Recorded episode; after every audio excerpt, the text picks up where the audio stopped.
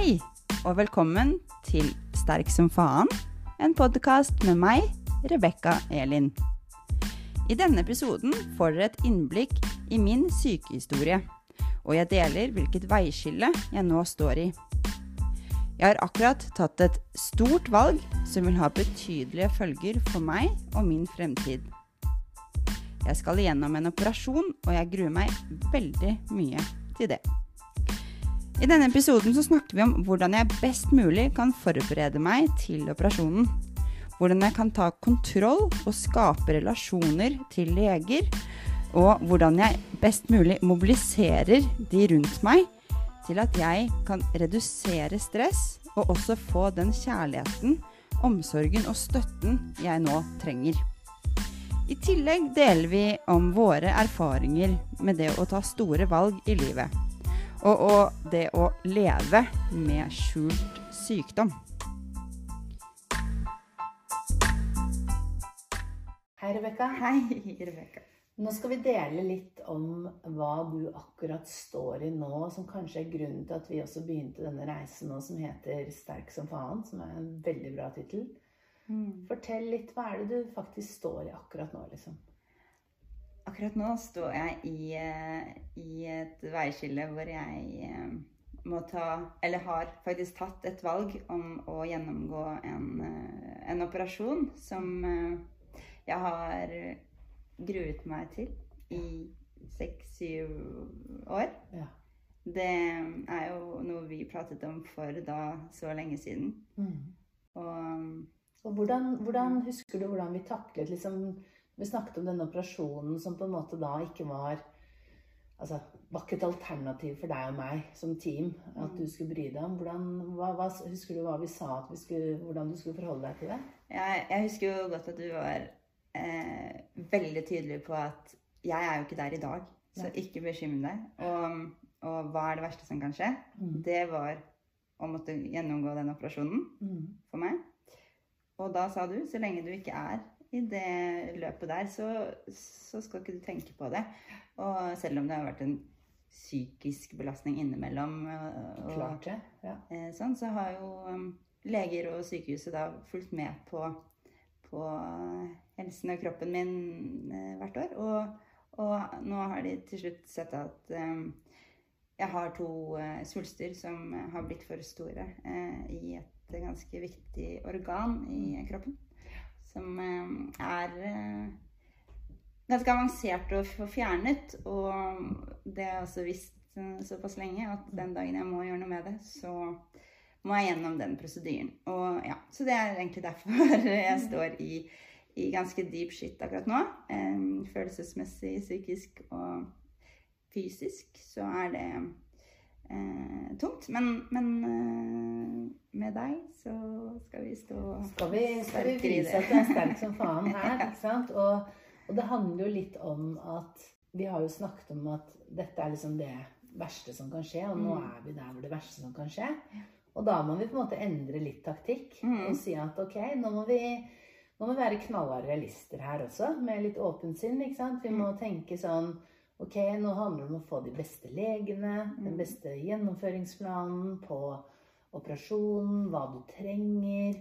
Eh, og ikke minst hvor langt vitenskapen er kommet. Det er jo heldigvis bra at vi Mm. har masse folk og forskere og leger som, som for hvert eneste år på en måte finner ut bedre og bedre måter hvordan man kan få et godt liv selv om man da må gjennom en sånn operasjon. Ja.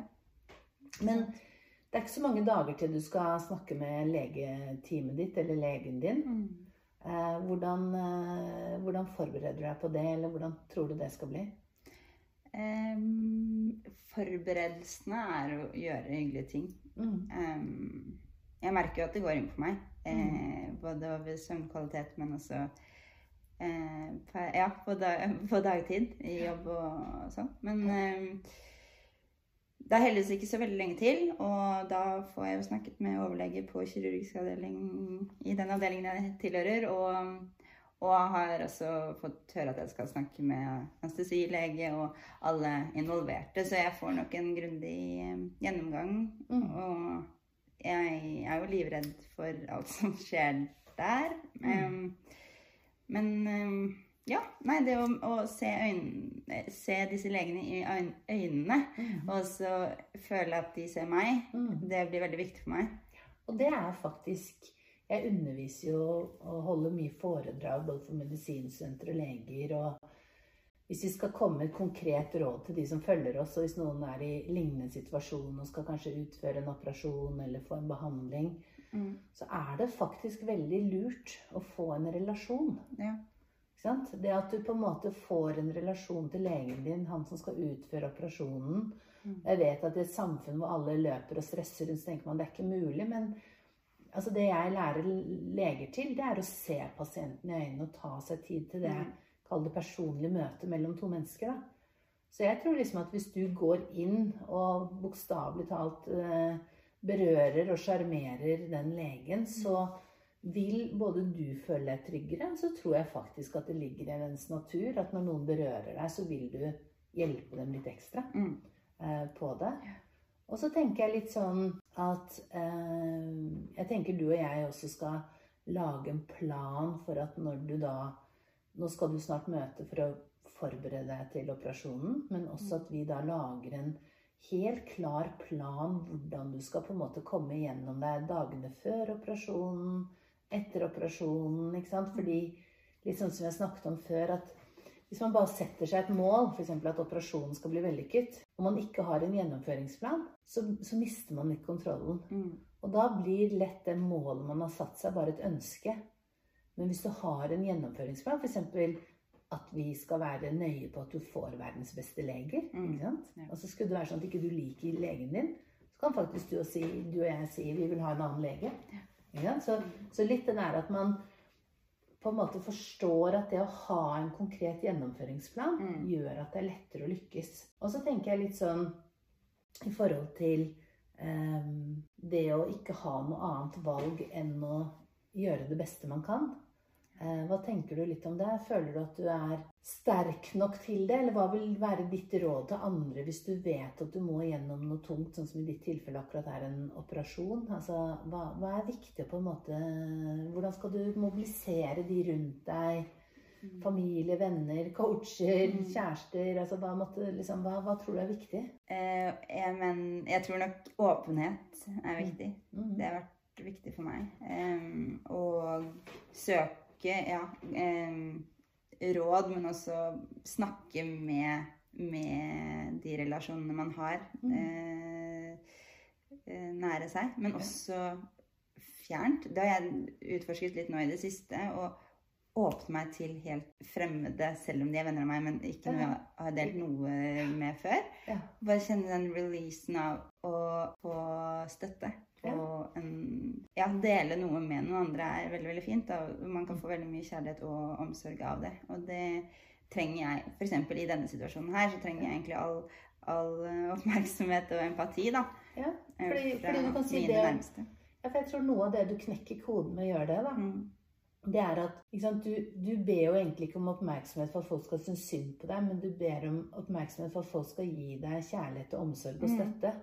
Og det er veldig noe annet enn å på en måte si 'Å, kom og trøst meg'. Mm. Du, trenger, du vet at du mobiliserer flokken din rundt deg. Og så tenker jeg litt det også at, at eh, det er jo faktisk sånn All samtaleterapi, enten om det er coach og klient eller psykolog eller lege og pasient, er jo det der at når du får sagt noe høyt, når du får liksom får sagt din historie eller ditt valg, Mm. så vil hjernen din prosessere det på en annen måte og lettere finne løsninger Ja. enn hvis du ligger alene i et mørkt rom og tenker tanker, på godt og vondt. Så forblir det bare tanker. Men ved å på en måte si det høyt, vite litt sånn hvordan du vil at historien skal fremstilles, da, at du kan ta kontroll over din egen historie, Mm. det gjør at du blir kvitt masse unødvendig stress som igjen kan gi betennelse i kroppen, som kan slite ut immunforsvaret. Og ditt immunforsvar nå skal jo gjøre det det kan for å på en måte holde deg frisk. Mm. Og da er nettopp den måten å tørre å snakke med folk og være ærlig, og, som er jo litt av grunnen til at du også nå deler din historie her. Ja. For hva er det som du tenker er viktig med at du deler historien her istedenfor at folk skal synse og tro noe, hvis ikke du på en måte har fortalt dem egentlig din historie sånn som du gjør her? Det er jo ja, et godt spørsmål. Jeg føler det har vært min eh, bakside hele livet. Hvor jeg har Mm. prøvd å skjule min helse og, og Mm. det jeg har stått i. Eh, for jeg har ikke villet være syk i andres øyne. Nei. Jeg vil heller ikke være syk i andres øyne, men det kan eh, lytterne eh, avgjøre nå. Men eh, nei, det, Mm. det er en terskel der for å være, være den pasienten, da. Eller syk. Ja. Du har ikke lyst til å bare være Nei. pasient, for å si det sånn. Nei, så da tar jeg litt eierskap i det nå. Og Ja. jeg kan gjenkjenne meg veldig, for jeg fikk jo brystkreft da jeg var 19 år. mm, Og egentlig bare seks måneder å, å overleve. Eh, eller leve. mm, Men jeg bestemte meg for at jeg ville overleve. Eh, og du kan si Det er noe med det der at eh, jeg, jeg håper å sto ikke frem som kreftpasient for mange, mange Mm. år. Altså, det var vel første gang i jeg tror var 2009 at til og med folk som kjente meg, fikk vite at jeg hadde vært en kreftpasient. Mm.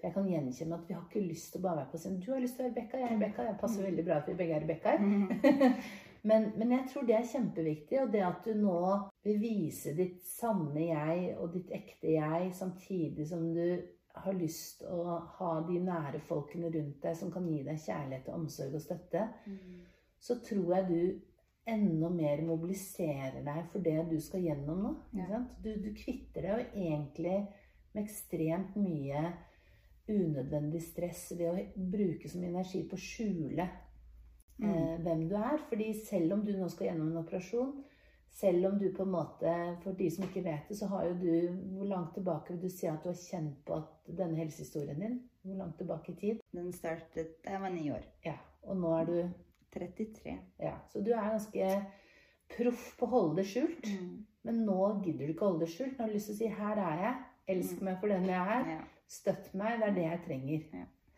Absolutt. Og ja, det er som du sier, jeg det, det å være redd for at andre snakker om meg, det har jeg vært i mange, mange situasjoner pga. andre ting også. Eh, og nei, nå tar jeg heller eierskap, og, og de som hører eller ser dette her, de eh, får høre det. Mm. Og så kan de som snakker, heller referere til mine ord, da. Ja, og altså- ikke lage Jeg vet ikke om Ja, du, du Jeg- tar jeg- litt jeg mener- styringen. Du tar, du tar litt styringen, ikke sant? Det er litt sånn nesten sånn Harry Meghan-følelse her når vi sitter. Mm. sant? Det er litt det der Skal du la synsingen og ryktene gå sin gang, eller skal du faktisk være ærlig og si sånn er det, og dette har jeg lært av mm, gjennom noen tiår. Eh, og du kjenner på en måte kanskje på belastningen av å holde det skjult. At ja. du har, du har ikke noe du skal skamme deg over. Nei, det, det er også det, da, at eh, jeg Det høres kanskje litt rart ut, men jeg vet at jeg er en bra person. Ja. Eh, jeg får så mange hyggelige komplimenter for å bare være den jeg er. Ja. Og den jeg er, den kommer mye på grunn av faktisk den baksiden, eller den ryggsekken som jeg har gått med, da. Jeg har en annen eh, eh, tilnærming til eh, livet og mennesker og energier og, og er glad Ja. Ja. Eh, den, den tror jeg gjenspeiler seg i veldig mange som møter meg. Og hvis noen vil snakke dritt om noen som har en sykdom, mm. da De har ikke jeg respekt for heller, så Si mer, mer om ja, det, liksom. Så nei. Og det jeg tenker også som kanskje, selv om dette nå kunne høres ut som bare en sånn trist historie, så vet jo jeg som har kjent deg i så mange år nå, Mm. at du har også lyst til å dele litt sånn med, la oss kalle det litt sånn eh, gi faen-holdning. Det er derfor det heter sterke faen. Men Mm. Vise at selv om man opplever noe som kan for mange eh, oppleves som veldig alvorlig, så er jo du en eh, livsmester og livsnyter, og en som også skal dele hvordan man kan skape godfølelse og motivasjon og gjennomføringskraft til å følge sine drømmer. Mm. Og som du sier, det er ikke sikkert du hadde hatt den styrken hvis du ikke hadde hatt den livserfaringen du har. Det tror jeg ikke. Nei. Jeg måtte velge å ta en litt annen, annen vei. Ikke sant? Ja. Ja, men Rebekka, dette blir spennende. Nå er vi i dagene før du skal møte legen og Mhm. kirurgen din. Eh, Så kan følgerne være med neste gang når du har snakket med dem. Ja. Eh, Og få lov å være med på en ekte eh, reise. Mm. Hvor du deler livet på godt og vondt, vil jeg si. Men mye livsglede og godfølelse skal det bli. Og selvfølgelig alle som følger deg, de inviteres til å være med i din heiagjeng, ikke trøstegjeng, men heiagjeng som gir deg støtte, omsorg og kjærlighet. Ja.